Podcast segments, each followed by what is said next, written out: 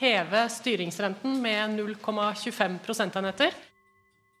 Igjen, igjen og igjen har sjefen for sentralbanken, Ida Wolden Bakke, gått opp på den blå talerstolen hos Norges Bank med én beskjed. Med 0,25 prosentenheter. Med 0,5 prosentenheter. Med 0,25 prosentenheter til 4% Med andre ord, det blir dyrere og dyrere å ha lån i banken.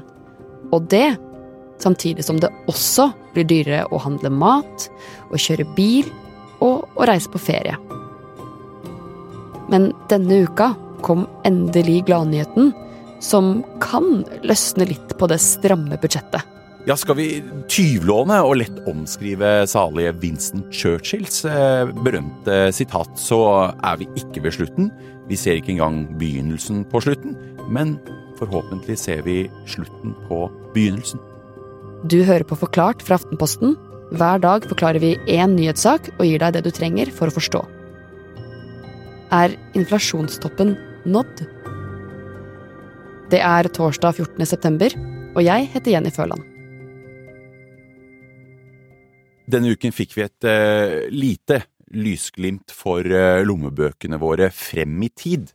For uh, inflasjonstoppen kan være forbi alt, samtidig som rentetoppen i det minste rykker nærmere.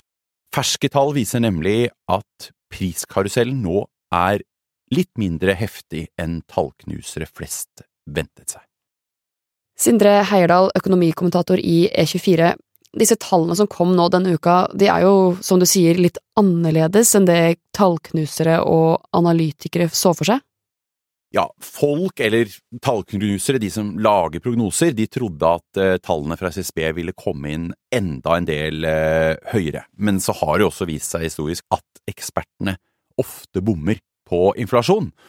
Og det vi så nå, var blant annet at matprisene faktisk falt litt eh, i august. Så endringen nå på en måned er at årsveksten i inflasjonen har dempet seg fra 5,4 til nå 4,8% Og mye av denne dempingen kommer av at strømprisene har vært lave i det siste. Men det er jo omtrent her det begynner å bli litt eh, komplisert. For de som jobber med inflasjon, ser nemlig på to ulike tall.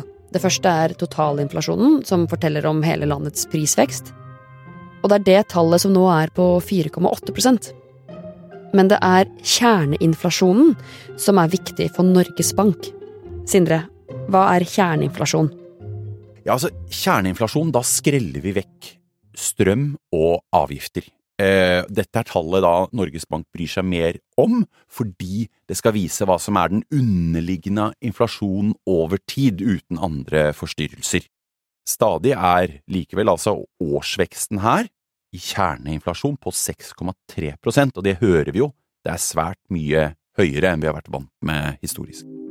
Ok, vi snakka jo egentlig om inflasjon, så hvorfor hopper vi nå over til Norges Bank og rentehevinger? Ja, Rentehevingene er sentralbankens fremste våpen for å slå ned på forbruket og derigjennom også på den brennhete prisveksten. Og nå som inflasjonen demper seg, så er det et tegn da på at disse rentehevingene har begynt å sparke fra seg. Så det betyr at liksom når sentralbanken gir meg en høyere rente, så er det for at jeg ikke skal kjøpe så mye andre ting? Ja, dette skal gjøre litt vondt for oss eh, alle. Det skal få oss til å holde litt mer igjen på pengebruken, sånn at vi bruker mindre penger, og at da prisene etter hvert demper seg. Så hvis det her er toppen av inflasjon, så når vi kanskje toppen av rentehevingen også? Det er det vi absolutt kan håpe på, og mest sannsynlig så kommer det en renteheving til om en uke, men muligens, i beste fall, så blir det den siste. Jippi! Ja, for det er jo egentlig gode nyheter. Og grunnen til at det blir sånn, er fordi at det er kjerneinflasjonen Norges Bank prøver å styre med rentehevinger. Og når den nå bremser litt, er det altså mindre behov for å skru opp renta. Men det betyr ikke at du får lavere rente i løpet av den neste måneden, for det er nemlig forsinkelser i systemet. Så når sentralbanken hever renta, kan det ta måneder før din bank hever din rente. Hvis det kommer en heving nå om en uke, så vil vi ikke merke den ordentlig i nettbanken før nærmere jul. Bankene har en eh, varslingsfrist på åtte uker før de kan sette opp renten på vårt boliglån, og så tar det også enda lengre tid før det viser seg til fulle på de månedlige låneforfallene vi har til banken vår. Så hva forteller det her oss da om det som skjer? Sånn helt overordna, er det her egentlig Er det good news? Det er absolutt good news, for vi må ha inflasjonen ned. Det betyr ikke at dyrtiden er over, men det kan være slutten på begynnelsen av dyrtiden, slutten iallfall på at angrepene på lommeboka bare fortsetter og fortsetter. Samtidig så faller jo antagelig ikke prisene i butikken, så folk vil jo merke at de har dårlig råd også når det verste er over. Så vi kan ikke ta gleden helt for gitt heller, for det er noen ting som kan ødelegge.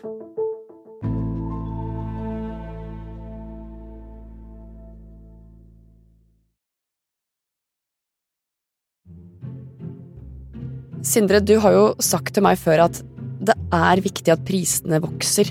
Hvorfor er det viktig?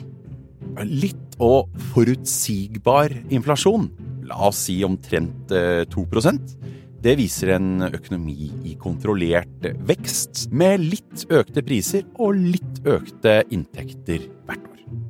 Ja, og det at det går nedover, det som kalles deflasjon, det er jo heller ikke bra. Nei, det kan være en dødelig cocktail. Det kan være enda mye verre enn selv en ganske høy eh, inflasjon. Hvis du forventer at et nettbrett eller en tørketrommel koster mindre neste måned, så venter du gjerne med å kjøpe den, hvis vi ikke har desperat behov for den, da. Og hvis alle venter, så bruker ingen penger. Da får du en spiral av fall og slapp vekst og lite optimisme. Så den de to prosentene som vi snakka om da, det er liksom en sikkerhetsmargin, da? Rundt det nivået. Det er en eh, god margin som viser en kontrollert vekst godt over null. Så hvis det skulle gått nedover, betyr det at økonomien faller, og det er jo ikke bra. Men den retningen vi går nå, kan jo også bety økonomikrise, gjør det ikke det? Hvis prisene begynner å galoppere raskere og raskere, det er jo det sentralbankene nå prøver å stoppe. Forventningene våre til at prisene skal øke, det kan gjøre at forventningene øker desto mer. Da kan også mange bedrifter benytte anledningen til å heve sine egne priser. Og når forbrukerne sliter med å vite hva prisene er, kan man klinke til med prisøkning. Hvis alle gjør det, så øker forventningene også til lønnsøkning, og så er vi i gang med en runddans. Og da skal det ofte godt gjøres at eh, lønnene også henger med på denne prisveksten. Da blir det fort en levekostnadskrise, at vi får stadig mindre å rutte med. Men det her er jo worst case, et scenario hvor sentralbanken ikke hever styringsrenta for å slå ned på inflasjonen. Men det gjør det jo, og tallene som kom nå denne uka, kan fortelle oss at sentralbanken har klart jobben sin. Kan vi nå endelig puste ut igjen, Sindre? Ja, og vi kan huske på at inflasjon er notorisk vanskelig å forutse. Det har vist seg at ekspertene bommer også historisk, gang på gang på gang. Og det er fremdeles en del ting som kan eh, ødelegge litt for den veien eh, inflasjonen nå er på. Noen litt særnorske ting også, som en svak krone, som stadig kan gi oss litt dyre importerte høstkolleksjoner og nettbrett. Så har vi leieprisene, som er ganske uberegnelige, og som i seg selv også kan bidra til å holde liv i prisgaloppen. Så har vi matpriser som er blitt ganske uberegnelige, og hvor det ikke er så lenger så lett å forutse endringen fra måned til måneden i eh, dagligvarer. Og så har vi jo strøm. Nå ser denne vinteren ut til å bli relativt billig i forhold til de to foregående vintrene, men en langvarig sprengkulde på kontinentet kan raskt endre strømregningen ganske drastisk. I tillegg til disse fire tingene, altså matpriser, krona, leiepriser og strøm, så spiller også lønn en viktig rolle her. Hvis man får mer penger, så bruker man mer penger, og da øker også etterspørselen. Og hvis flere vil ha noe, så stiger gjerne prisene. Dermed kan man få mer inflasjon. Så det er jo viktig at, eh, at lønnsøkningene også framover ikke tar helt av, for da kan vi få en spiral eh, der også. Men når det er sagt, så har jo partene i arbeidslivet i Norge vist seg veldig ansvarlige så langt, så jeg tror det er under relativ kontroll. Nå om en uke så skal som sagt Ida Wolden Bakke igjen møte opp på talerstolen og sannsynligvis fortelle om enda en renteheving. Og gladnyheten her er at det kan være siste gang. I hvert fall en av de siste. Så betyr det at renta kommer til å gå nedover nå, eller? Det er vanskelig å si. Også det har vist seg veldig vanskelig å forutse, og selv Norges Banks renteplaner pleier nesten alltid å endres fra det som opprinnelig ligger der. Men eh, jeg ser jo at optimister nå begynner å antyde at det kan komme rentekutt alt neste sommer. Ikke ta det for gitt. Det kommer til å avhenge veldig mye av hva disse inflasjonstallene viser også framover. Og så har vi en liten X-faktor, da. Det er norsk økonomis lyspunkt her og nå. Vi har fremdeles en usedvanlig lav ledighet, men hvis den begynner å stikke oppover, da kan mye rokkes ved, og da kan også rentekutt komme raskere enn det ser ut til nå. Altså, vi kommer jo til å leve i en litt dyrere hverdag fremover også. Hvordan skal vi tilpasse oss den hverdagen, da? Det er lurt å stramme inn eh, livreima, og for all del ikke begynne å forvente at det skal komme et rentekutt rundt hjørnet, det kan også ta år før den kommer.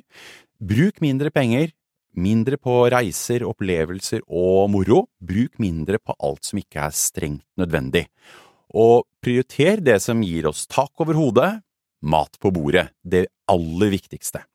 Og så bør vi jo se da på om vi kan kutte litt i de største utgiftene vi har, prute på boliglånet hvis det er mulig, forsikring, og utsette oppussing og ny garasje om det er mulig. Vi kan ha det litt gøy, ikke sant? vi kan jo ha det litt gøy, og det er mye lettere å ha det gøy hvis vi har kontroll over egen lommebok.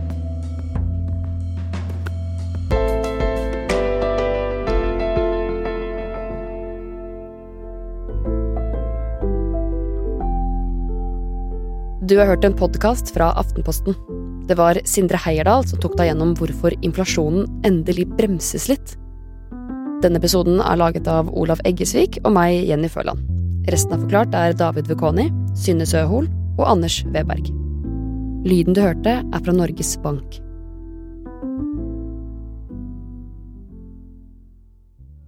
Er du glad valget er over? Å, fytterakkeren er så glad. To år til neste gang, med forferdelig flaue valgkampstunt. Vi skal snakke om det, og så skal vi få Dag Sørås oppriktig mening om Kylie Jenner. Sterke meninger. Ja, Og så er vi innom Jimmy Fallon og Danny Masterson, blant annet.